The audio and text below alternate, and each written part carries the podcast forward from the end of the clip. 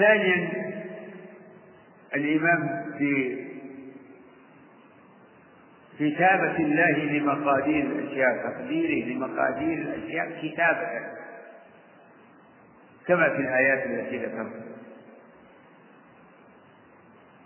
وكما جاء في حديث عبد الله بن عمرو بن العاص عند مسلم أن النبي صلى الله عليه وسلم قال قدر الله مقادير الخلق قبل أن يخلق السماوات والأرض بخمسين ألف سنة.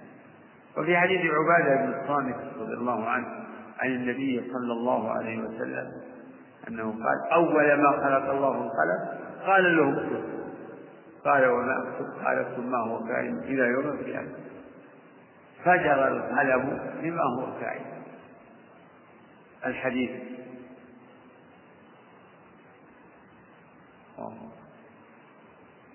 المرتبة الثالثة الإيمان بعموم مشيئة الله. يعني الإيمان بأن مشيئة الله عامة لا يخرج عنها شيء. فلا يكون في هذا الوجود ما لا يشاء أبدا. فما من حركة ولا سكون في هذا العالم علويه وسفليه إلا بمشيئته.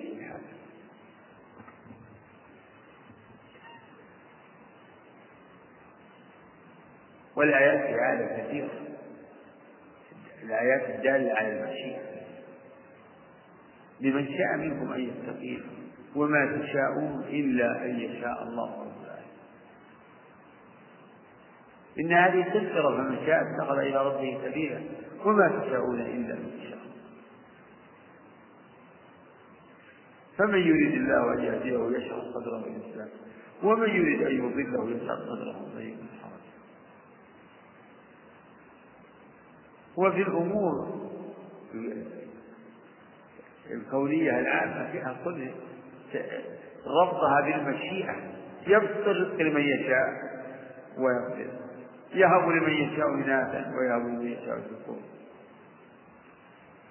ولو شاء الله ما اقتتلوا ولكن الله يفعل من يريد.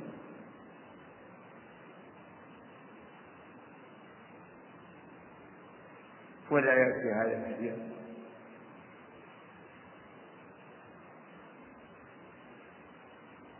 فأفعال العباد واقعة في مشيئته سبحانه وتعالى. وللمرتبة الرابعة الإيمان بعموم الخلق. أي إنه خالق كل شيء. فهو خالق السماوات والأرض وما فيهن وما بينهما وهو خالق العباد وخالق قدرتهم وخالق صفاتهم. وخالق أفعالهم الظاهر والباطن. هو خالق كل شيء. كما قال تعالى الله خالق كل شيء وهو على كل شيء قدير.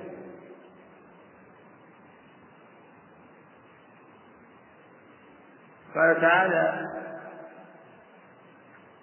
قال أتعبدون ما تنحتون والله خلقكم وما تعملون. فهو سبحانه وتعالى الخلاق. لا خالق غيره هو الخلاق العليم هو الخلاق العليم. يا أيها الناس اعبدوا ربكم الذي خلقكم والذين من قبلكم. فهذه مراتب الإيمان بالقدر. لا يكون الإنسان مؤمنا بالقدر حتى يؤمن بهذه كلها. وقد ضل في هذا الأصل طوائف. فظلت في ذلك القدرية. النفاة الذين نفوا القدر.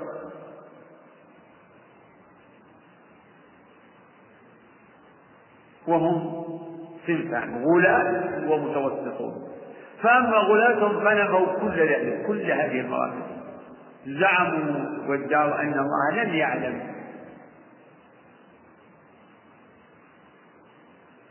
لم يعلم أفعال العباد قبل أن وقالوا إن الأمر أنف يعني لم يثبت به علم ولا كتاب.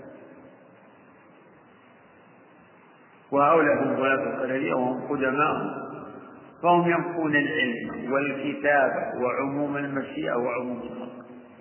فأفعال العباد عندهم لم يثبت بها علم الله ولا كتاب فهم ينكرون يعني مقتضى قوله إن الله لا يعلم الأشياء إلا بعد وقوعها بعد أن تكون. وبالضرورة أنه لم يسبق به كتاب. وأن أفعال العباد واقعة بل يقولون أفعال الحيوان كل ما له إرادة خارجه عن مشيئته تتم بلا مجد يعني خارجه عن المشيئه وخارج عن قدرة الرب وعن خلقه فليست واقعة بمشيئته ولا بقدرته ولا ولا ولا هي من خلقه ولا هي داخلة في ملكه. هذا سبيل القدرية الغلاة والمتوسطون منهم أثبتوا العلم والكتاب السابق لكن نفوا عموم المشيئة وعموم الخلق. إذا القدرية النفاة متفقون على نفي عموم المشيئة وعموم الخلق. فأفعال العباد بزعمهم كلهم بزعم القدرية النفاة كلهم لا تتعلق بها مشيئة الله. فعندهم أن ما يجري من الناس من الأفعال كل ذلك ليس إلى الله. والله لا يقدر أن يعني لا يقدر أن يجعل القائم قاعدا ولا القاعد قائما ولا المؤمن كافرا ولا الكافر مؤمنا ولا المطيع. عاصيا لا يقدر عاجز. فمذهبهم يتضمن تعجيز الرب. وإخراج كل ما يكون من أفعال العبادة والحيوان عن ملكه وعن قدرته وعن مشيئته. وكفى بهذا تنقصا لرب العالمين.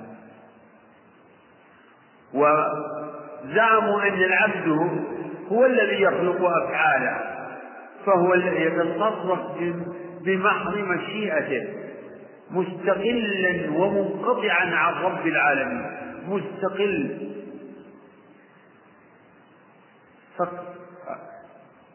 أي تنقص لرب العالمين ما يجري من القتال في هذه الدنيا وما يجري من أفعال وأقوال هذه كلها ما الله لا يقدر أن يغير منها شيء ونصوص الكتاب ظاهرة دلالة على الرد عليه ولو شاء الله ما ولكن الله يفعل ما يريد. يضل من يشاء ويهدي من يشاء.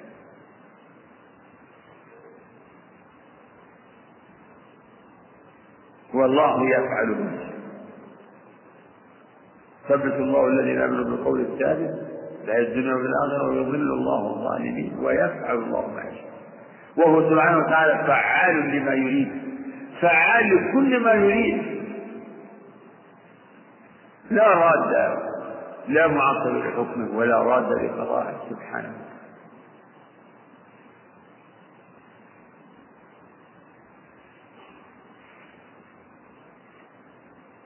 فهاتان طائفتان. يعني هذه طائفة يقال لهم القدرية النفاة وهؤلاء هم الذين جاءت في شأنهم الآثار وأنهم مجوس هذه الأمة. فهم مشبهون بالمجوس. الذين يجعلون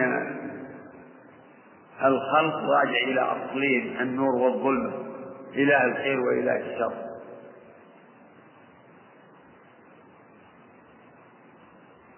ويقابله ويقابلهم الجبرية. و ورأس الجبرية جهم بن صفوان. فإنه جمع بين ثلاث بدع كبرى وهي الإرجاء الغالي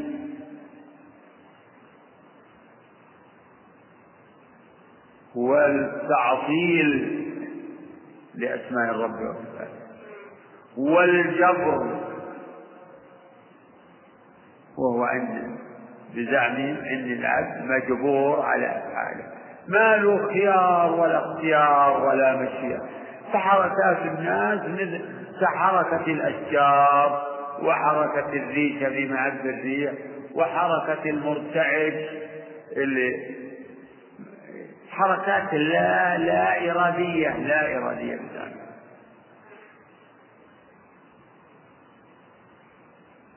ومقتضى القول بالجبر إن الإنسان غير ملوم على أفعاله. على ما يفعله من الأفعال القبيحه غير ملوم. ويجعلون القدر حجة لهم. وهذا سبيل المشركين الذين عارضوا دعوة الرسل بقولهم لو شاء الله ما عارضوها. عارضوا دعوة الرسل بقولهم لو شاء الله ما أشركنا. وقال الذين أشركوا لو شاء الله ما عبدنا من دونه من شيء نحن ولا آباؤنا ولا حرمنا من دونه من شيء. قالوا ذلك ردا لدعوة الرسل ومعارضة لهم. وإلا فهي وإلا فقولهم لو شاء الله ما تركنا كلمة حق لكنهم أرادوا بها باطل. ومن قال كلمة حق يريد بها باطل فهو مبطل فهو مبطل.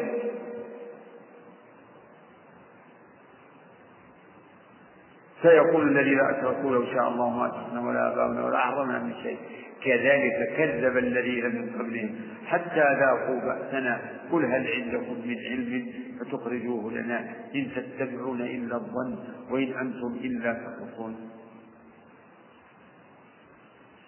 فهاتان طائفتان على طرفي نقيض. عن الجبرية والقدرية فالجبرية يقولون إن إن إنه لا فاعل إلا الله. فمقتضى قولهم أن الله هو القائم والقائد وفي الحقيقة هو الفاعل لهذه الأفعال. والمصلي والصائم والصادق والكاذب. تعالى الله عن قولهم تعالى الله عن قولهم علوا كبيرا. يعني فليست هذه أفعال العبد. وإضافتها إلى العبد إضافة إضافة مجازية. مجازية. مجاز لا حقيقة.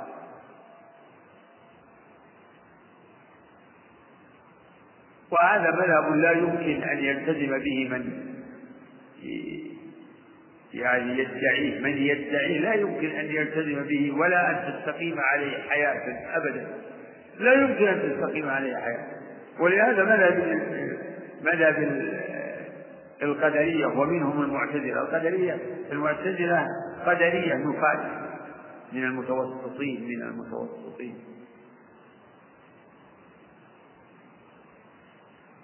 فمذهب القدرية النفاة مع قبحه وفساده وفساده هو خير من مذهب الجبرية وبين المذهبين هو المذهب الحق وهو مذهب أهل السنة والجماعة. وهو الإيمان بالقدر بكل ما يتضمنه من المراتب المذكورة. وأن أفعال العباد أفعال لهم حقيقة فعلوها بإرادة ومشيئة ولكنها خلق لله مخلوقة لله. فالله خالق العباد وخالق قدرتهم وخالق أفعالهم فأفعالهم أفعال لهم وأن العبد له إرادة وله اختيار لكن لا على طريقة المعتزلة القدرية المفاسدة بل له مشيئة وله اختيار وكل عقل يفرق بين الأفعال الإرادية واللا إرادية. ولكن مشيئة العبد محكومة بمشيئة الله على حد قوله تعالى وما تشاءون إلا أن يشاء الله. فأثبت للعباد مشيئة لكن مقيدة بمشيئته سبحانه وتعالى. وهو الحكيم. الحكيم في شرعه وقدره فالصراط المستقيم في هذا يقوم على هذه الأصول. الإيمان بقدر الله بما يشتمل عليه من المراتب الأربعة التي ذكرتها والإيمان بشرع الله وهو أمره ونهيه. والإيمان بحكمة الله. ثلاثة أمور. من اعتصم بها نجا من سبل الضلال.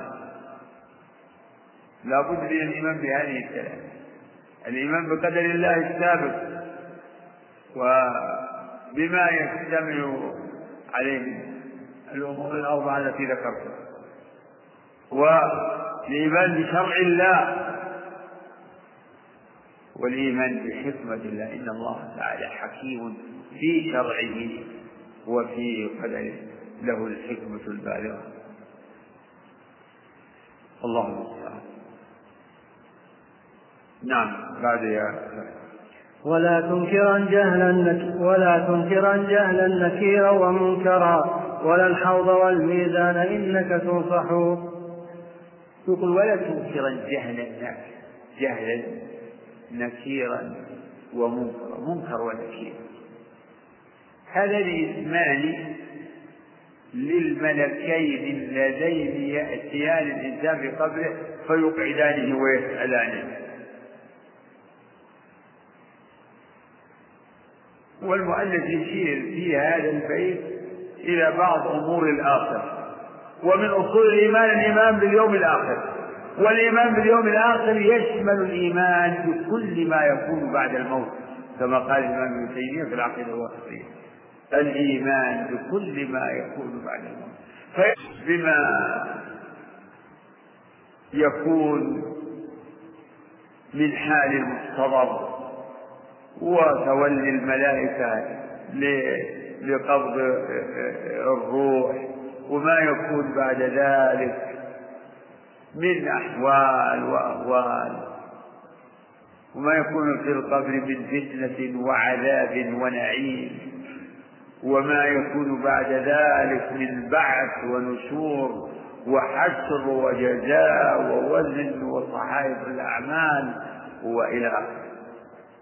كل ذلك يدخل في الإيمان باليوم الآخر. فالمؤلف أشار إلى بعض ذلك. الإيمان يعني أشار إلى ما يجب من الإيمان بأحوال القبر أو بفتنة القبر وما يتبع ذلك من عذاب أو نعيم. بفتنة القبر وعذاب القبر ونعيم القبر.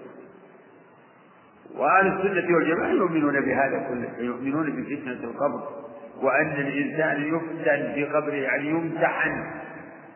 كما قال صلى الله عليه وسلم إنه أوحي إلي أنكم تفتنون في قبوركم. مثل أو قريبا من فتنة المسيح الدجال. لا إله إلا الله. أكثر الناس لا يدركون فتنة المسيح الدجال. ولكن هذه الفتنة لا محيد ولا مفر منها فتنة القبر.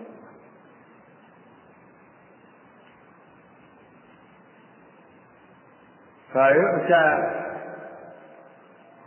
إلى إلى الميت إذا وضع الميت في قبر أتاه ملكان فيقعدانه ويسألانه من ربك وما دينك ومن نبيك؟ ثلاثة أسئلة. نسأله تعالى أن يثبتنا وإياكم بالقول الثابت. اللهم ثبتنا بالقول الثابت في الحياة الدنيا وفي الآخرة.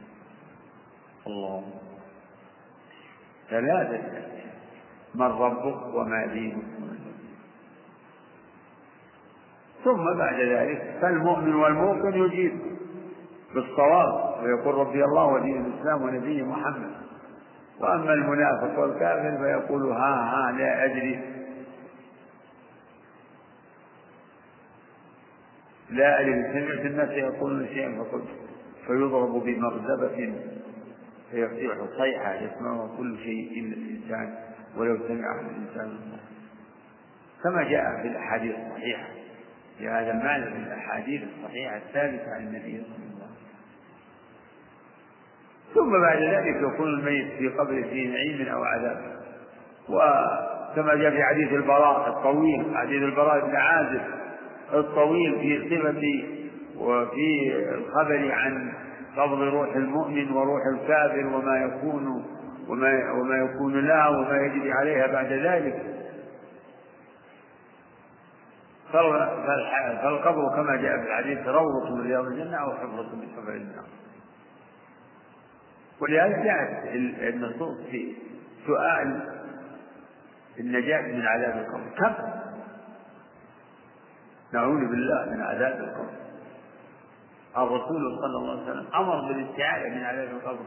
بل أمرنا أن أن نستعيذ بالله من عذاب القبر في كل صلاة. إذا شاهد أحدكم فليستعيذ بالله من أربع يقول اللهم إني أعوذ بك من عذاب جهنم. وعذاب القبر ومن فتنة المحيا والممات ومن فتنة المسيح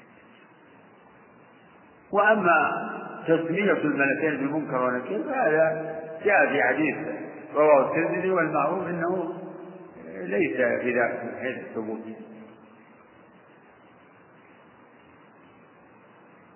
يعني فيه مقال الغالب إنه ضعيف هذا الذي حديث المعروف والمشهور أنه ضعيف وليس مهما يعني معرفه اسمين.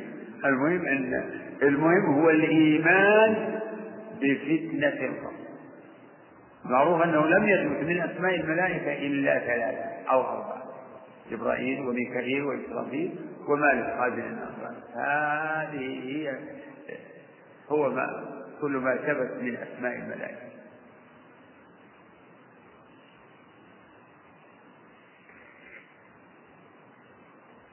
ذكر الناظم في هذا البيت مسألة الميزان ميزان الحوض الميزان ميزان الأعمال.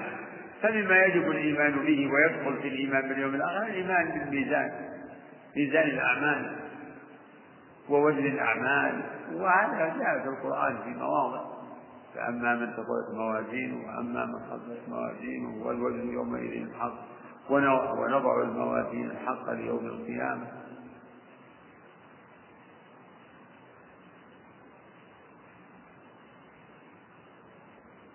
ونضع الموازين الحق.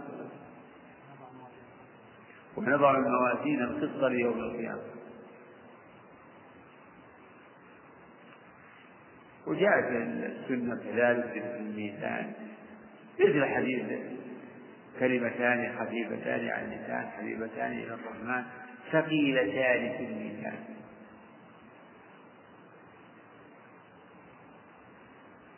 ومثل حديث صاحب البر وحديث ما ورد في شأن ابن مسعود من قوله عليه الصلاة والسلام لما ضحك بعض الناس من دقة ساقيه قال صلى الله عليه وسلم إنهما في الميزان لأثقل من جبل أحد أو كما قال صلى الله عليه وسلم.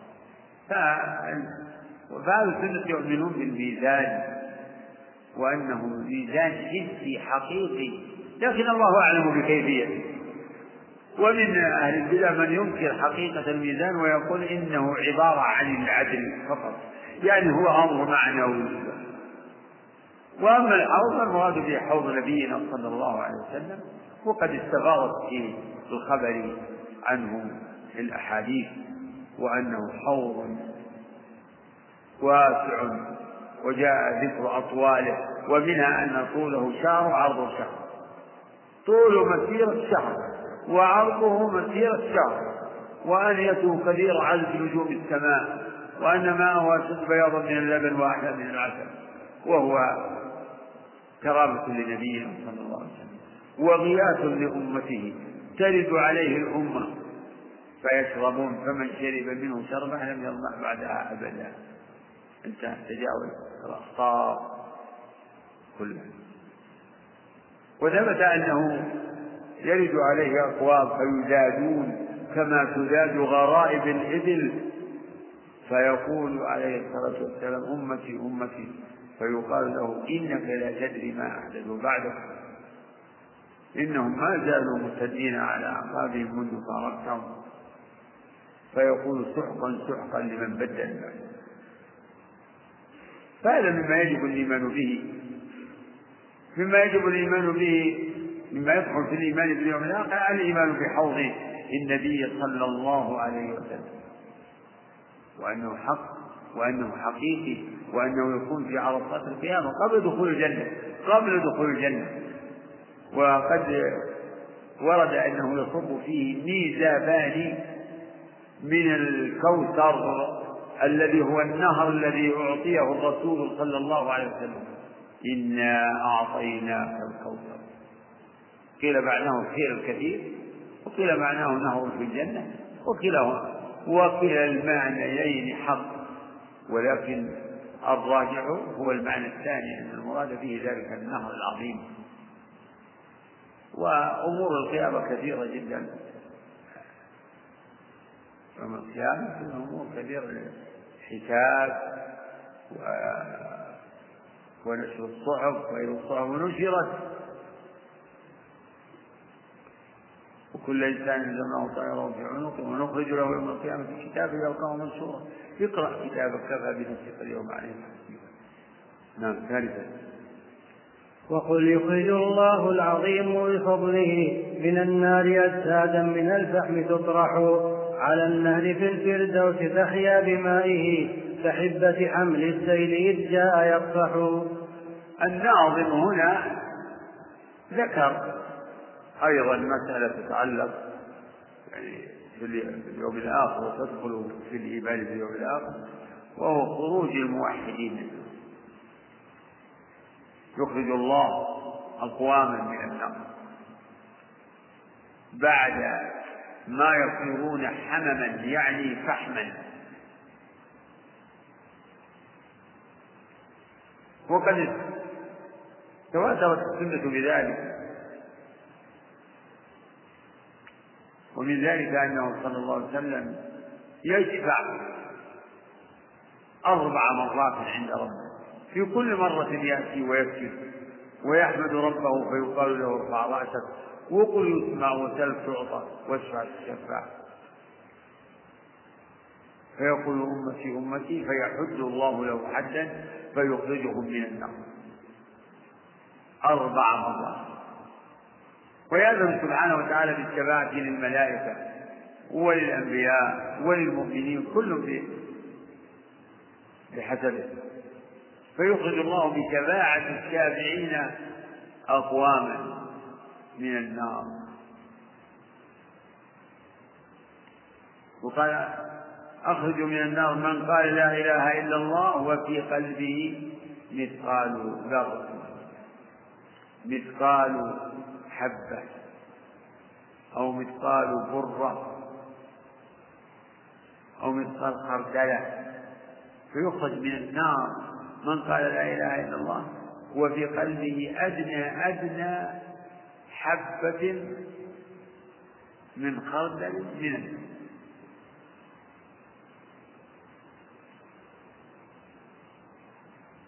وهذا هو دليل أهل السنة على خروج الموحدين من النار. وأنه لا يخلد في النار إلا أهل الشرك والكفر. أما الموحدون فإنهم لا يخلدون في النار. وهذا هو حكم أهل الكبائر. فأهل الكبائر حكمهم في الدنيا أنهم ليسوا كفارا وليسوا مؤمنين مطلقا. هم مسلمون ومؤمنون إيمان النفس فيقال للفاسق إنه مؤمن بايمانه أو مؤمن نفسه وأما حكمهم في الآخرة فإنهم تحت مشيئة الله. إن شاء الله غفر لهم ولم يعذبهم أصلا. وإن شاء عذبهم كما يشاء سبحانه وتعالى ثم يخرجهم من النار.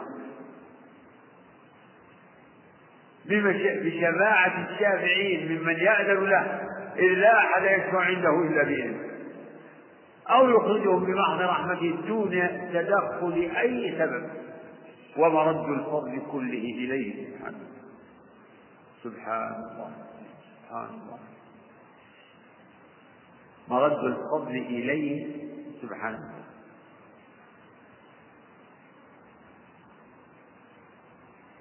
وأشار المصنف إلى ما جاء في الأحاديث من أن أنه يخرج من النار أقوام قد صاروا حمما فيخرجون ضبائر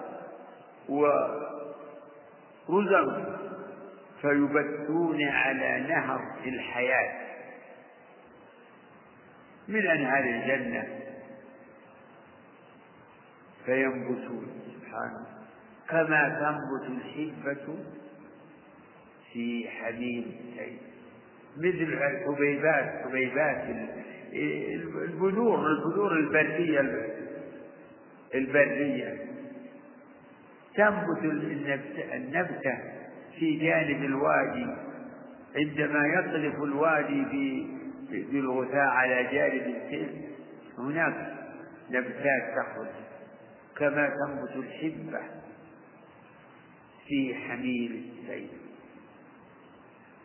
فينبتون ويحيون ويدخلون الجنة برحمته سبحانه.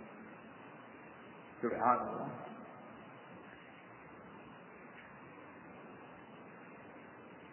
فهذا مما يجب الإيمان به ومما يثبته أهل السنة وهو أولا خروج الموحد من النار.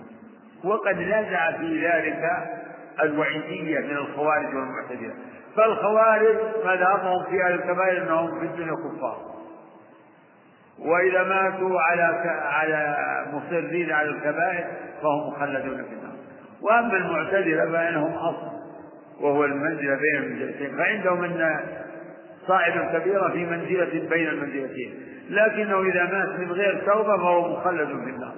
فاتفقت الطائفتان على حكمه في الآخرة دون حكم الدنيا. وأهل السنة مذهبهم ما علمتم. قال الصحاوي وأهل الكبائر في النار لا يخلدون إذا ماتوا وهم موحدون وإن كانوا غير تائبين. وإن لم يتوبوا أما من تاب تاب الله عليه. من تاب توبة نصوحة التوبة المستوفية تاب الله عليه. فهذه الشفاعة تنكرها الخوارج والمعتزلة. لأن تخالف أصلهم ولنبينا شفاعات الشفاعة الكبرى في أهل الموقف أن يقضى بينهم وهي الشفاعة وهي المقام المحمود الذي خصه الله به كما قال تعالى عسى أن يبعثك ربك مقاما محمودا. وقال صلى الله عليه وسلم من قال حين يسمع النداء اللهم رب هذه الدعوة التامة والصلاة القائمة آت محمد الوسيلة والفضيلة وابعثه مقاما محمودا الذي وعد حلت له شفاعة يوم.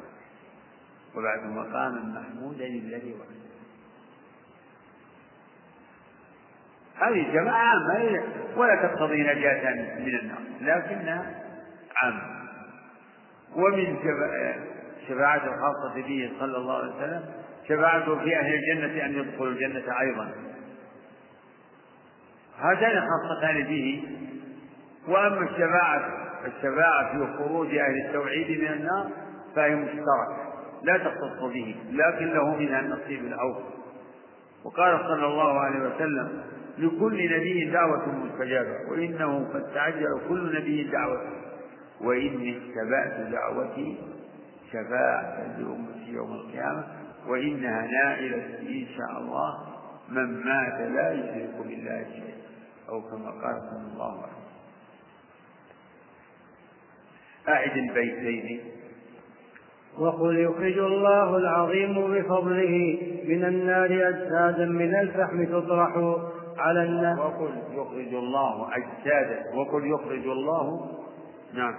وقل يخرج الله العظيم بفضله. يخرج الله العظيم بفضله من النار أجسادا. من نعم. من النار أجسادا من الفحم تطرح. من أجسادا من الفحم تطرح يخرجون مثل الفحم نعم تطرح بعد على النهر في الفردوس تحيا بمائه كحبة حمل السيل إذ جاء يصفح. نعم يطلعون في نهر الحياة. وفي الفردوس كانوا جعله اسما للجنة عموما. كلمة الفردوس ما وردت في الأحاديث إنما يطلعون في نهر من نهر الجنة يقال له نهر الحياة. تقيد بالفردوس هذا فيه يعني شيء من التشابه. الله المستعان نعم بعد. وإن رسول الله للخلق شافع وقل في عذاب القبر حق موضح. آه هذا في الحقيقة. ضمنه أمرين سبقت سبق الكلام فيهما. وقل نعم وقل.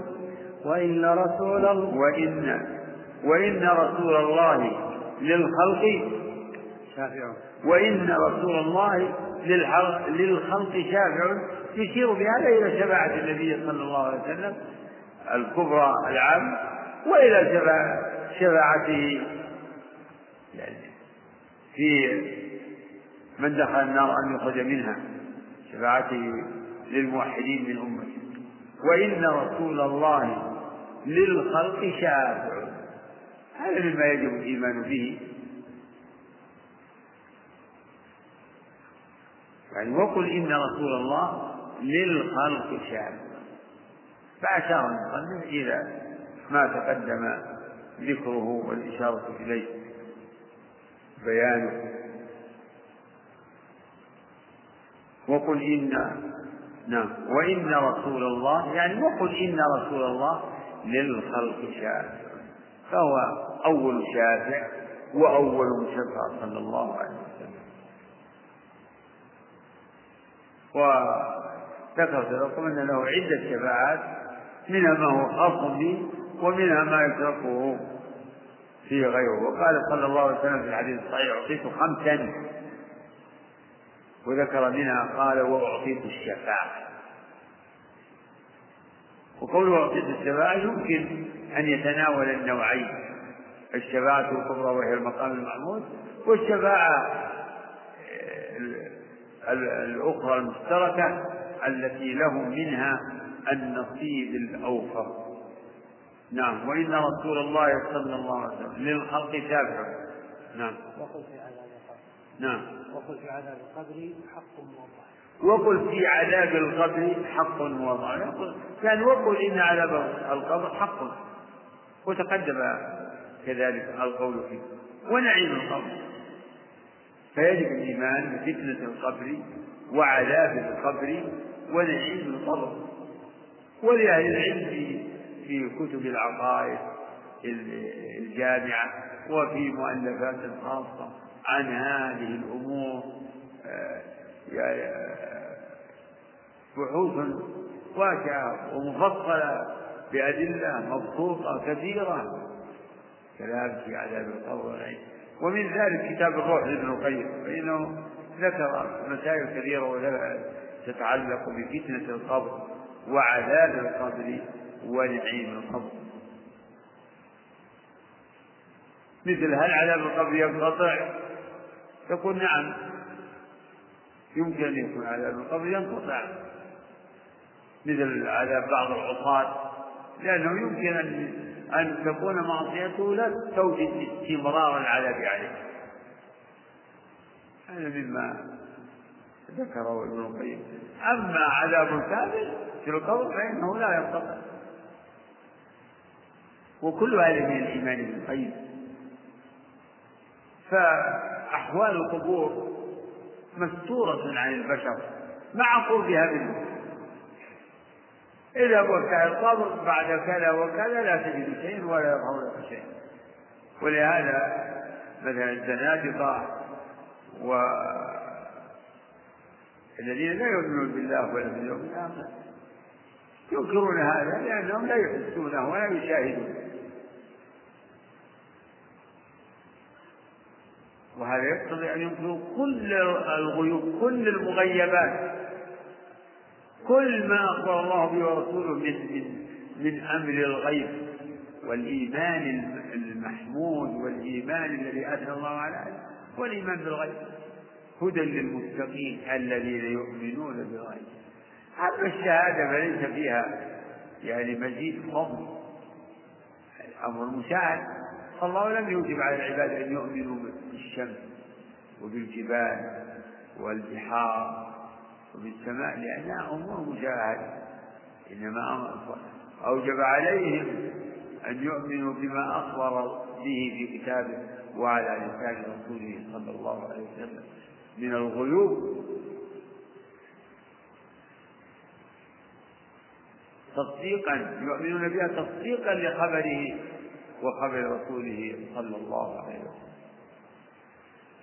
لا إله إلا الله. كذب ولا تكفرن أهل الصلاة وإن عصوا فكلهم يعصي وذو العرش يصفح لا نعم كم باقي نعم كم من بيت أقول لك؟ باقي غير هذا شيخ؟ ها؟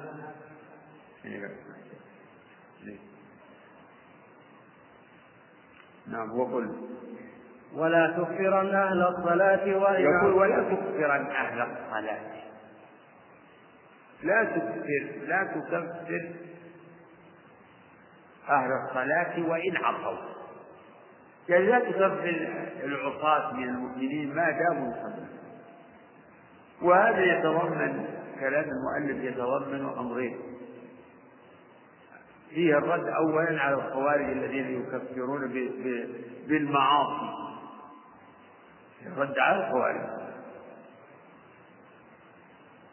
فأهل السنة والجماعة كما تقدم عندهم إن العاصي مؤمن بإيمان ناقص فاسق بكبيرة هو أنه نقص الإيمان. هذا هو مذهب أهل السنة والجماعة في أهل الكبائر. عصاة الموحدين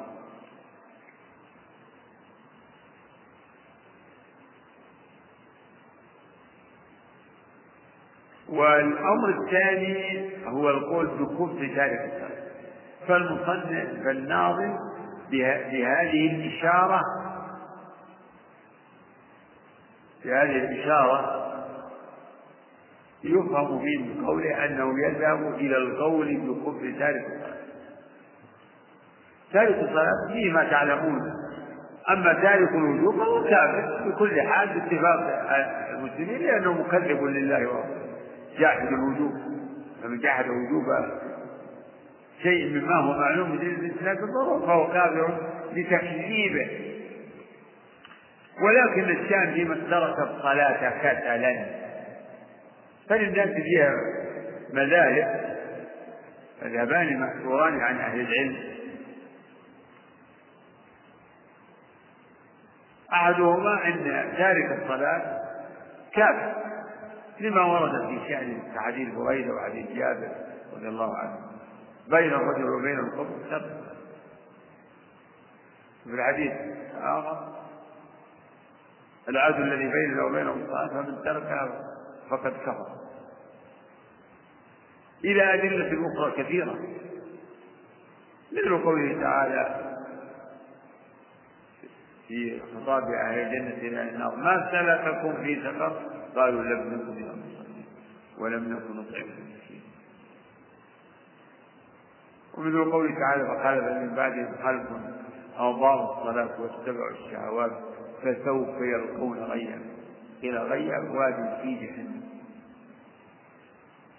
وقال آخرون من أهل العلم إنه لا لا يسقط وتأولوا حديث بريدة وحديث ابن عباس بأن لا بأن حديث جابر وحديث بريدة أن أنه من جنس الأحاديث الأخرى التي فيها تسمية بعض الذنوب كفرا كقوله صلى الله عليه وسلم سباب المسلم فسوق وقتاله كفر اثنتان في الناس هما بهم كفر. ومن قال لأخيه يا كافر أو يا عدو الله فقد باء بها أحدهما. قال صلى الله عليه وسلم لا ترجعوا بعد كفار نضرب بعضكم رقاب بعض. فمن؟ فإن هؤلاء إن من ترك الصلاة كسلا يؤمن بوجوبها ويؤمن بأنه عاصي وأنه مسيء وأنه وأنه ولكن والعياذ بالله بسبب الكسل وال وضعف الإيمان لا لا لا يؤدي لا يؤدي. وتوسط قوم فقالوا إن من كان يترك الصلاة دائما ولا يصلي أبدا. لا يصلي أبدا إلا مجاملة مع الناس نفاقا. يصلي نفاق إذا صلى مع الناس صلى فقط. لا إيمان. لا يصليها فإنه كافر. وأما من كان يغالب نفسه يصلي ويخلي ويصلي وهو مع نفسه في في يعني في كفاح فلا يكفر بترك ما ترك من الصلاة وإذ إن هذا فيه توسط وهو قول قوي عندي والله أعلم بالصواب. ولشيخ الإسلام كلام يتضمن هذا المعنى والله أعلم. أعد البيت. ولا تكفرن أهل الصلاة وإن عصوا فكل ولا تكفرن أهل الصلاة. وإن عصوا. نعم. فكلهم يعصي وذو العصي يصفح فكلهم يعصي. يعني العصاة كلهم يعصي وذو العصي يصفح إذا شاء. كلهم يعصي وذو العرش وهو الله تعالى يصفح ويعفو ويتجاوز إذا شاء. على حد قوله تعالى إن الله لا يغفر أن يشرك به ويغفر ما دون ذلك لمن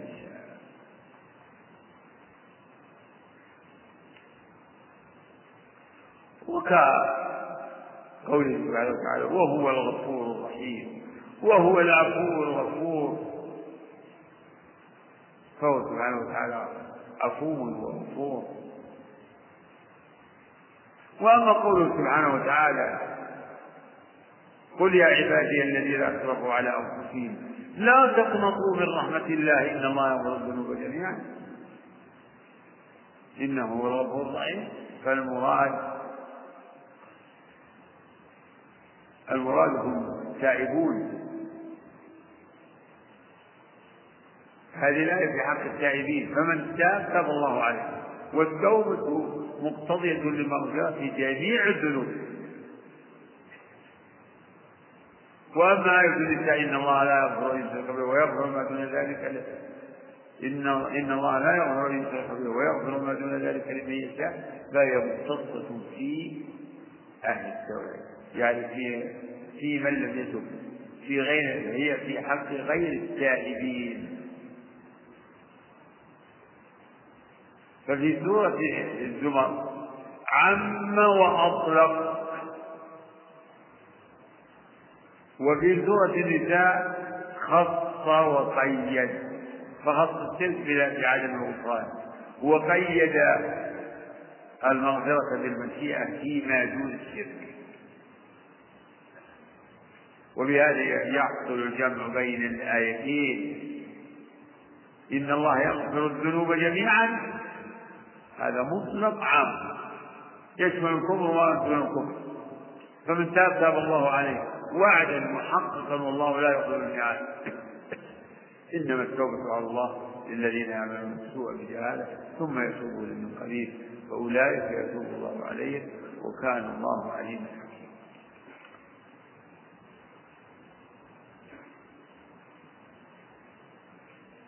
ولا تكثر. نعم ولا تكثر. ولا تكثرن ولا تكثرن أهل الصلاة. وإن عصوا فكلهم يعصي وذو العرش.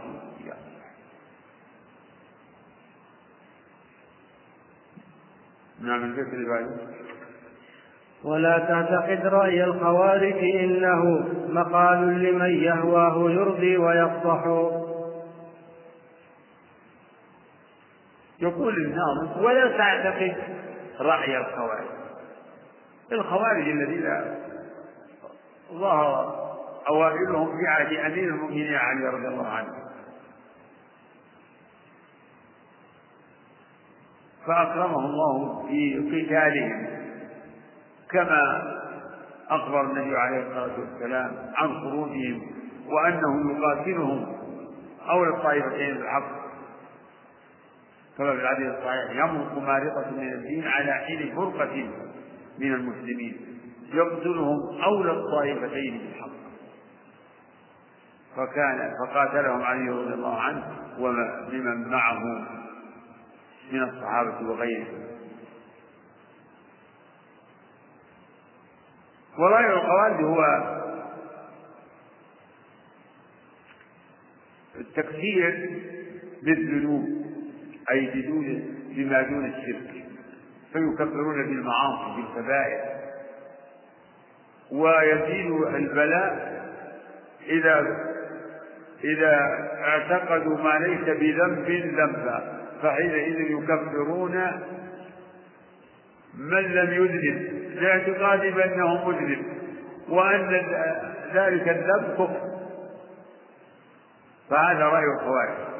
هذا هو المذهب المشهور عنه التكفير بالذنوب تقدمت الإشارة إلى ذكر مذهبهم وأنهم يكفرون على الكبائر. يقولون إن من, من ارتكب كبيرة من الكبائر فهو كافر خارج عن ملة الإسلام حلال الدم والمال. وإذا مات من غير توبة فهو مخلد في النار مع الكافرين. ولهم شبهات. منها مثل الأحاديث التي وردت في تسمية بعض الذنوب كفرا. فأخذوا على أنه الكفر الأكبر. وأهل السنة والجماعة عندهم أن الكفر الواجب من نصوص نوعان. كفر أكبر. مناقض لأصل الدين لأصل الإيمان. وكفر دون كفر. ويسمى أحيانا يسمى الكفر الثاني كفر دون كفر الكفر العملي. ولكن التعبير عنه بأنه كفر دون كفر أو كفر أصغر أدق وأضبط نعم ولا تعتقد رأي الخوارج؟ إنهم. إنه مقال لمن يهواه يرضي ويهواه إنه مقال لمن يهواه يرضي ويقوى من يهوى هذا القول؟ مقال رديء فإنه نعم ولا تعتقد رأي الخوارج إنه مقال لمن يهواه يرجي ويفرح سبحان الله. العظيم يعني الخوارج ومن على شاكلة موسى وأهل البدع عموما هم متبعون للأهواء يكون عندهم هوى. ولهذا يسمى أهل البدع أهل الأهواء. لأنهم متبعون للهوى لا لهدى الله. متبعون لآرائهم. لاجون في عماهم وغيهم. وهذا هو الملاحظ من الذين يدعون ويجرحون إلى التفكير بالذنوب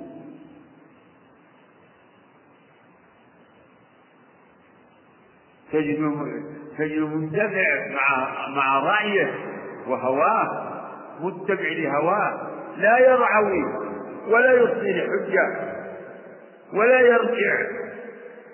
لا يكاد لا يكاد يرجع.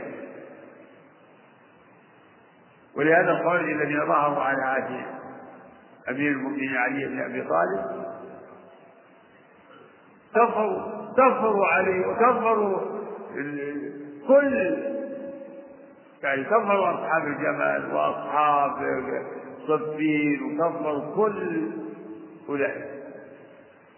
كفروا جمهور المسلمين.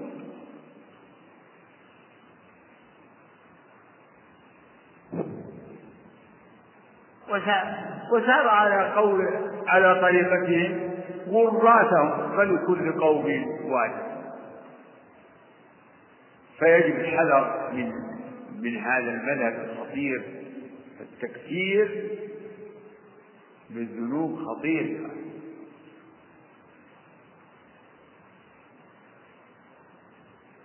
كما أن عدم التكفير لمن كفره الله ورسوله كذلك. فكلاهما انحراف عن سواء السبيل والصراط المستقيم. فالواجب على المسلم أن يكفر من كفره الله ورسوله. وألا يكفر ولا يخرج من دين الله من ثبت له حكم الإسلام ولم يقم عليه ولم يثبت عليه ما يوجب ردته ما يوجب ردته. فلا بد من العدل ولا بد من التوسط ولا بد من الأناءة.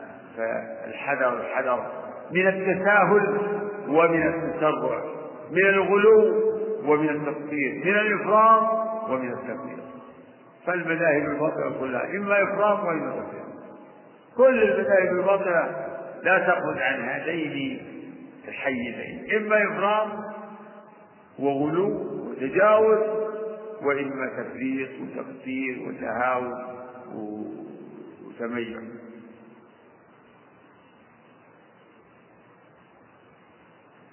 هذا ونسأل الله للجميع العفو والعافية والعصمة والسداد ونترك بعض الأبيات للغد إن شاء الله. كم بيت خمسة. خمسة. ها؟ نعم. حسبك. أحسن الله إليكم. هذا سائل يقول آه، أليس الناس كلهم يوم القيامة تحت مشيئة الله؟ إذا فما الفرق بين صاحب الكبيرة الذي إن شاء الله غفر له وأدخله الجنة برحمته وإن شاء عذبه ثم أخرجه إلى الجنة. وبين المؤمن الذي له معاصي أليس كذلك تحت مشيئة الله؟ والله ما بعد ما بعد فهمت السؤال أليس كيف السؤال مرة ثانية. يقول أحسن الله إليكم أليس الناس كلهم يوم القيامة تحت مشيئة الله؟ إذا فما الفرق بين صاحب الكبيرة الذي إن شاء الله غفر له وأدخله الجنة برحمته وإن شاء عذبه وبين المؤمن الذي له معاصي أليس كذلك تحت مشيئة الله؟ والله ما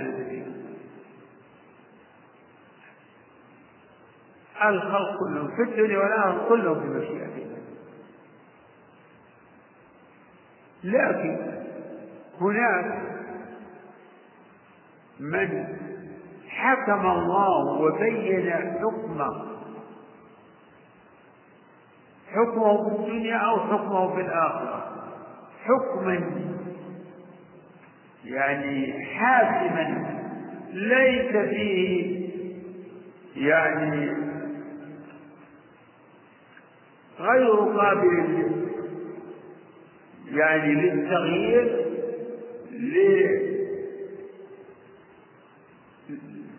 لحكمه سبحانه وتعالى به حكما مبرما ففي الدنيا تعالى كل شيء بمشيئة الله لكن نقول من تاب توبة نصوحة يقول فيها هذا يعني يغفر له ولا هو قاعد يمكن الله يغفر له يمكن لا يغفر. لا. هذا قد حكم الله ووعد الوعد الذي لا يخلف لا يخلف أنه يتوب عليه ويغفر له. فمن تاب توبة نصوحا ابدا نقول من تاب توبة نصوحا تاب الله عليه وله لأن الله تعالى وعده و ووعده بأن يتوب عليه وعدا مطلقا غير مقيد. لكن من؟ من لم يتوب؟ من لم يتوب؟ ألا يجوز أن يغفر الله له؟ يمكن أن يغفر الله له بأسباب أخرى. يمكن. تقول يمكن وتحت مشيئة يجوز. طيب. المشرك في الدنيا يمكن نقول الله يغفر له؟ أبدا. ما دام مسلم فالمغفرة عليه حرام. ولهذا هل يجوز أن تقول اللهم اغفر لفلان المشرك؟ اللهم اغفر له. لا. لكن العاصي ممكن تقول اللهم اغفر هذا في الدنيا سبحان الله. بعض الأسئلة يصير في الآخرة من حكم الله بخلوده في النار وهو مخلد. في النار. وهو بمشيئته. في شيء يخرج عن مشيئته. ومن حكم بأنه يدخل الجنة. يعني من كان من أهل الإيمان والتقى الذي لا يستوجبون ولا ولم يرتكبوا ما يقتضي عذابهم هؤلاء إلى الجنة. إلى الجنة من أول وهلة ويبقى اللي بين ذلك أهل المعاصي. هؤلاء هم الذين تحت مشيئته إن شاء الله غفر لهم وإن شاء عذب وإذا عذب بقدر الذنوب أخرجهم من النار بمحض رحمته أو بما يجعله في قلوب من جاء أن يأذن له بالشفاعة من الأنبياء والملائكة والصالحين. نعم. أحسن الله إليكم يقول الأشاعرة يقولون العبد ليس له إرادة وإن له وإنما له كسب فماذا يقصدون؟ الأشاعرة هم معجوزون في طوائف الجبرية يعني يثبتون القدر ويغلون في ذلك فيقولون إن الأفعال إن العبد ليس له فعل لكن كسب والكسب يقول العقلاء انه ما له حقيقة. هذا الكسب الكسب يقولون هو حصول المقدور عند القدرة الحادثة. قدرة العبد قدرة حادثة مخلوقة قدرة العبد. فحصول الفعل عند القدرة هذا كذب. لأن الأشاعرة هم من نفاة تأثير الأسباب. من نفاة تأثير الأسباب بالمسببات فعندهم من قدرة العبد ليس لها أثر في فعله. ما لها أثر. لكن يحصل الفعل منه عند قدرته. يحصل الفعل منه عند قدرته. لا بقدرته بمعنى إنها مؤثرة في حصول الفعل. وهذه وهذا يرجع إلى أصل كبير وهو نفس الأسباب. فعلى مذهبهم انه إن النار لا تحرق الحطب. لكن إذا إذا وجدت النار احترق الحطب يعني مضحكات إنكار الاسباب مضحك طيب الشبع يحصل لا بالاكل لكن عند الاكل إذا أنت اكلت وضعت يعني الشيء في بطنك حصل الشبع لكن لا بتأثير هذا الأكل الله يخلق الشبع عند حصول فلسفات رديئة. ولهذا قال من قال العلم إن إنكار محو أن تكون الأسباب وأسباب النقص العقل. هذا معقول الكلام. هذا معنى قوله إن الأفعال خلق لله وكسب من العباد. نعم. الله. أحسن الله إليكم. يقول هل العلمانيين كفار وكيف يعرفون؟ والله ما ندري هذا يرجع إلى تفسير العلماني. تفسر العلماني من علماني فإن كان العلماني كما يقال إنهم المنافقون الذين يعني ينكرون التدين أصلا ينكرون الدين ينكرون الدين ويظهرون وإن كانوا يتظاهرون به وفي الإسلام فالمنافق لا الذي يظهر الإيمان ويبطن الكفر وإن كان أيضا العلماني هو الذي يقول إن الدين ما له علاقة بالسياسة والاقتصاد وكذا إنما الدين بس. بينك وبين ربك في المسجد صلاة وبس. يعني دين الله ما له علاقة في تنظيم في كسب المال وصرف المال وإدارة مثلا المجتمع أو تنظيم العلاقة مع الآخرين ما له علاقة فهذا أيضا كفر. هذا كفر لأن هذا جحد لأحكام كثيرة من دين الإسلام. مشتمل على أنظمة عظيمة في تنظيم نظام الأسرة ونظام المجتمع ونظام السياسة نظام الدولة ونظام وتنظيم علاقات الدولة. يعني كل هذه الجوانب يجب تحكيم الشريعة فيها. فمن قال إن الشريعة ناقصة وقاصرة ولا علاقة لها بها فقد حصر دين الله في في بعضه فآمن ببعض وكفر ببعض. هذه حقيقة حال العلماني على هذا التقسيم عندك شيء؟ أحسن الله عليك يقول حسبت في السنة اسم رضوان وعزرائيل ما علم أبدا. ما ثبت نعم. أحسن الله إليكم. سؤال تكرر. يقول الذي يغرق في البحر أو تأكله السباع هل يجري عليه حكم أحكام القبر؟ إي والله. تجري عليه أحكام القبر كما يشاء الله. قدرة الله شاملة. أنت رسخ أو تشعر كمال قدرة الله. وينتهي كل شيء. تنتهي كل الشبه والوساوس والاحتمالات. إن الله على كل شيء قدير. يجيب اقرأ كلام ابن القيم في هذا المعنى. وأن وأن يعني ما يكون في القبر يتناول. ما فيه مضر إلا ذاك الذي أمر أولاده أن يحرقوه. يحرقوه يريد يتقرب في زعم جاهل بقدرة الله فأمر الله البر فجمعوا ما فيه والبحر ما اجتمع فسأله ربه ما حملك على ذلك؟ قال مخافتك يا رب فغفر الله له. مع جهله بقدرته سبحانه وتعالى.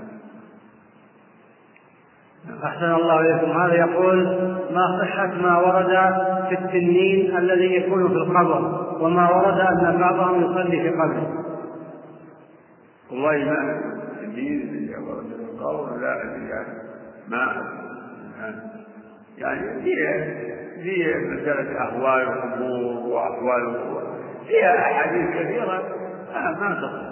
يعني ما تصح. لكن يذكرها العلم. يعني من باب الترهيب الترهيب والتخويف لحمل لحمل الناس على طاعة الله والحذر من معاصيه. وجاءت فيه نصوص صحيحة.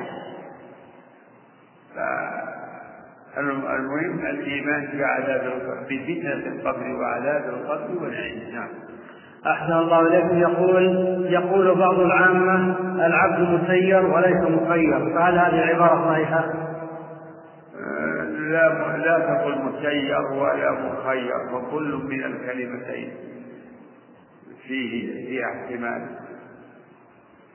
قل العبد ميسر لما خلق له وله مشيئة واختيار. له مشيئة واختيار وهو ميسر لما خلق له. فالواجب الاعتصام بألفاظ النصوص.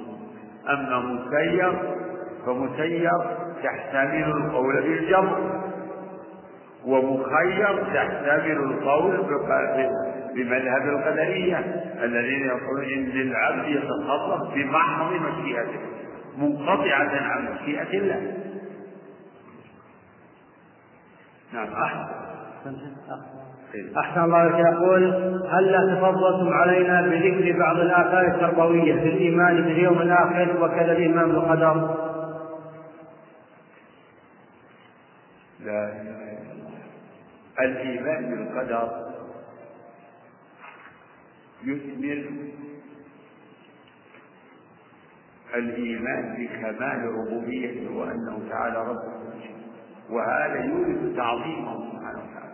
والشعور بأنه لا خروج لشيء عن ملكه وقدرته وربوبيته فهو رب كل شيء ومليك ما شاء كان وما لم يشاء. ويثمن التوكل على الله لأنه لأنه سبحانه وتعالى بيده الملك وبيده الخير والعطاء والمنع فلا مانع لما أعطى ولا معطي لما منع. ويورث كذلك الصبر على المكاره الإيمان بالقدر من ثمراته الصبر على المكاره لأن العبد إذا استشعر أن هذا جرى بقدره سبحانه وتعالى أوجب له أن و وفي الحديث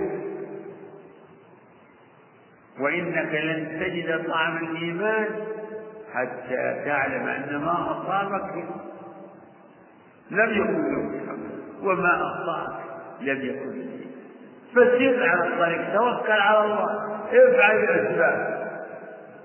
افعل الأسباب خذ بالأسباب النافعة واحذر من الأسباب الضارة متوكل على الله مؤمنا بأنه لا يصيبك إلا ما وأن أن الناس لو اجتمعوا على أن يصيبك أن يضروك بشيء لم يضروك إلا بشيء قد كتبه الله عليك. وإن اجتمعوا أن ينفعوك بشيء لم ينفعوك إلا بشيء قد كتبه الله إلى فهذه ثمرات الإيمان بالقدر ثمرات العملية. التوكل والصبر. التوكل على الله وفضل الأمور إليه والصبر على أقداره واستشعار عظمته بعموم ربوبيته تعالى. كذلك الإيمان باليوم الآخر يبعث على الاستعداد إذا تذكرت اليوم الآخر والقيامة والنشور هذا يوجد للعاقل الاستعداد. استعداد للقاء الله. والقرآن يرسل إلى هذا إنما يذكر الله بما بما أعد الله للعاملين من خير وشر. إنما يذكرهم ليأخذوا بأسباب النجاة ويحذروا بأسباب العذاب والهلكة. فمن اتبع أولئك فلا يضل ولا يشقى. من أعرض عن ذكري فإن له معيشة ضنكا.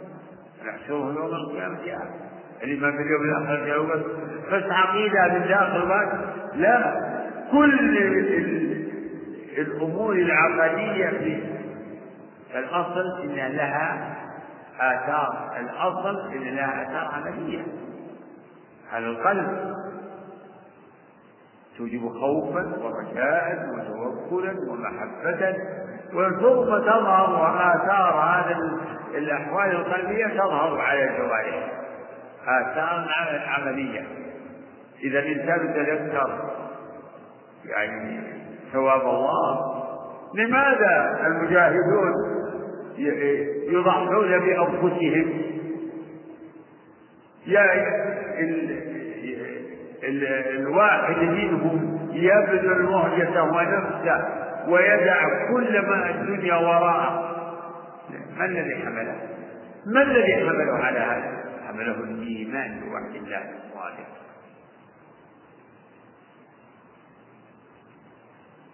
أهل النظر يتوجه لقتال المشركين وهو يقول إني لأجد ريح الجنة من دونكم لكن ضعف الإيمان هو الذي هو الذي أقعدنا ضعف الإيمان هو الذي أقعدنا نسأل الله أن يمن علينا بالثبات على دينه وأن يمن علينا بتحقيق الإيمان والتحقق بالإيمان.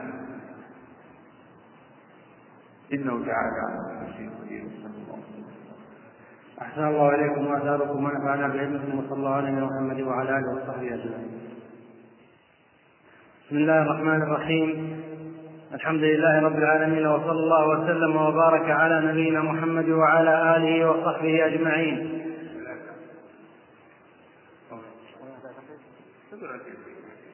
قال رحمه الله تعالى ولا تعتقد رأي الخوارج إنه مقال لمن يهواه يرضي ويفضح. ولا تك مرجيا لعوبا بدينه. ألا إنما المرجي بالدين يمزح. الحمد لله وصلى الله وسلم وبارك على عبده ورسوله وعلى آله وصحبه. هذا البيتان أخرهما الشارع ذكرهما بعد ذكره.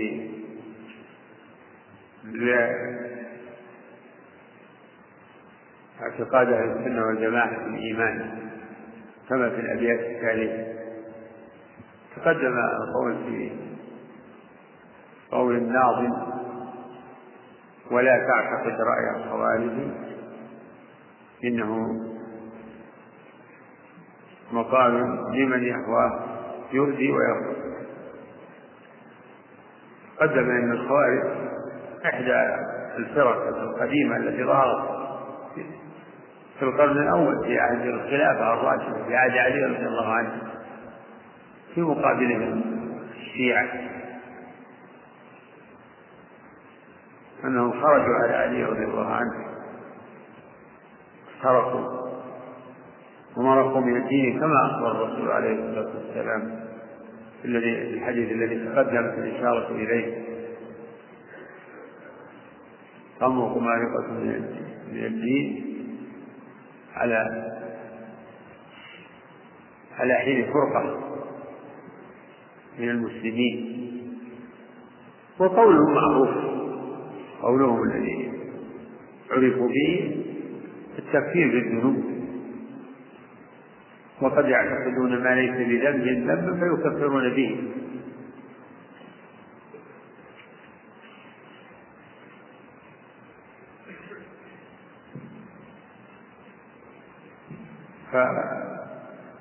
فمرتكب الكبيرة عندهم كافر في الدنيا وإن مات على ذلك فهو مخلد في النار. هذا قول. والناظم يحذر من رأيهم ومذهبهم الباطل ولا شك أنه مذهب باطل خبيث.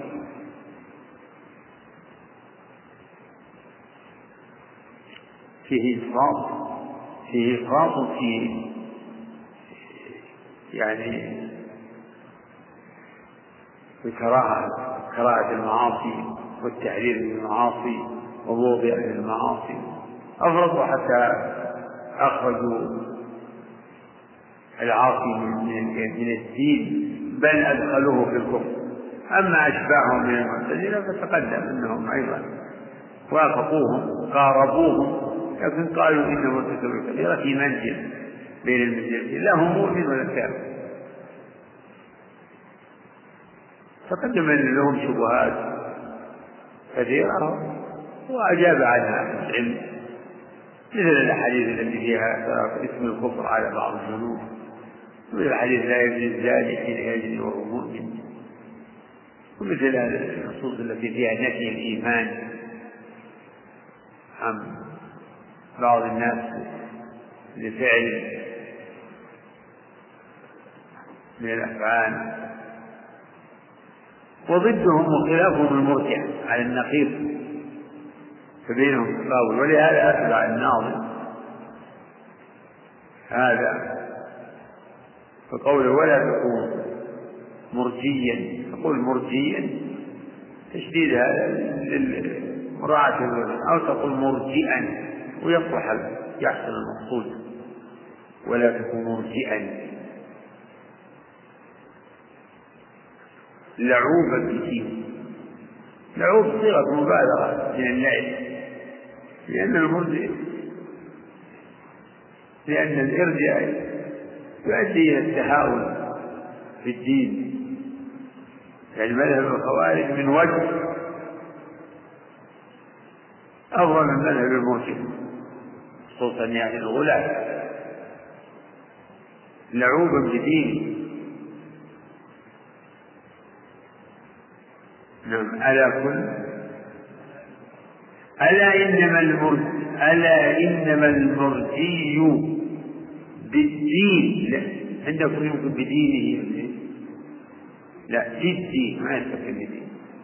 ألا إنما المرجي بالدين يمدح. يعني المدح معروف انه الدعابه والضحك والتسلية. في هذه في مذهب المرجئه على ما فيه من البدعة والضلالة هو قول من مذهب المرجئه الغلاة الذين حقيقة قولهم إن الذنوب لا تضر. لا يضر يقولون لا يضر مع الإيمان ذنب كما لا ينفع مع الكفر طاعة خلص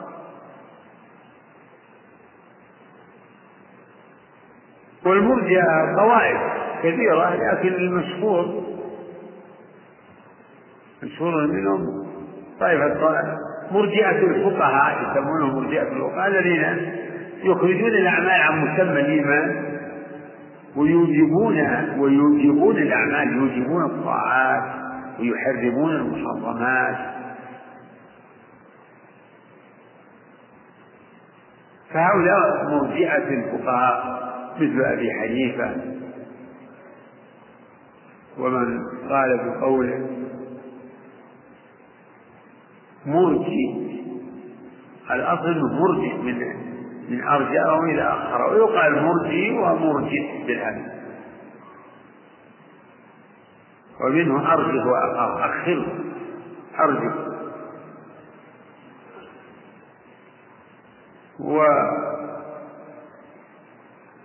والطائفة الأخرى مرجئة الجهمية قدم الإجابة ينتهي فيتبع شنعه الجبر والإرجاء والتعطيل.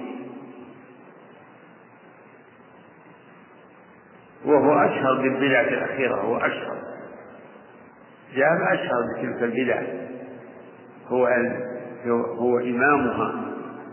وهو ناشر لها بدعة تعطيل تعطيل الرب عن السماء والصفات ويظهر هذا أيضا